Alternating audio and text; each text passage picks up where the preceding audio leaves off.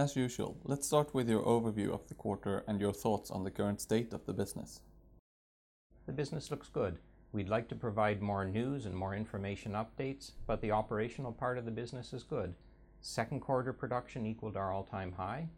Sampling cups are up 10%, um, and operating cash flow before changes in working capital is up 25% in the first half. And we have a good outlook for installation revenue in the second half of the year.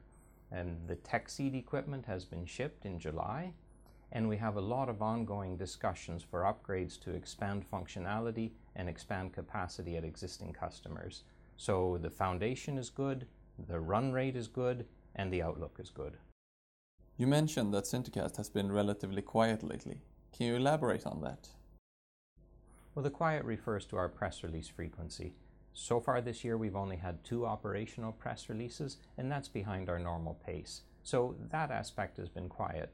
But behind the scenes, we're cracking on with the business. The record level production keeps our field engineers busy. Uh, installation revenue is behind 2015, but as I mentioned in the first uh, question, we're discussing these upgrades. And of course, we also have the Teksid installation in the second half. So installations will catch up.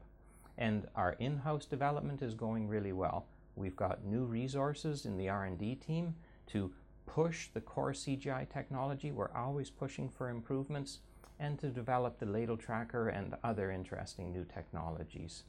At the half-year point, I think we have an opportunity to reach record revenue, and if we can set records in a quiet year, well, that's okay. You also mentioned the shipment of the equipment to Teksid in Brazil. Can you provide any further comments on the status with Teksid? Everything's good with the Teksid shipment. Uh, we shipped in July, and the equipment has now arrived at the port in Brazil.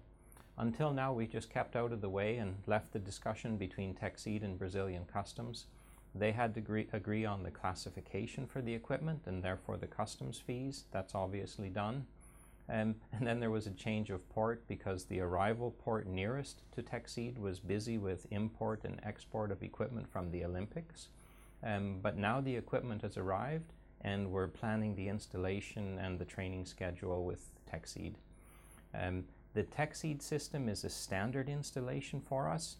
So according to our accounting rules, we recognize the revenue when the responsibility for the equipment is transferred from SinterCast to the customer. And in this contract, that occurred at the loading port in Gothenburg. So the bulk of the revenue will appear in the third quarter. Um, at this stage, we don't know if the installation acceptance will be signed in the third quarter or the fourth quarter, um, but everything is normal, and we don't expect any surprises. SinterCast launched a new ladle tracker technology at the AGM in May. Can you provide an update on the technical development and the market activity? The ladle tracker at Tupi in Mexico is running successfully, and the production engineers and managers are really happy with it. The ladle tracker is based on the same guiding principle as our core CGI technology. You can't control what you can't measure. And the measurements provided by the system have helped the engineers to see things that they couldn't see before and allowed them to take corrective actions to optimize the process. So the running experience in Mexico has showed that the ladle tracker is a good technology, it's a robust technology, and it's a valuable technology. Uh, we've had really good support from Tupi as our first reference customer.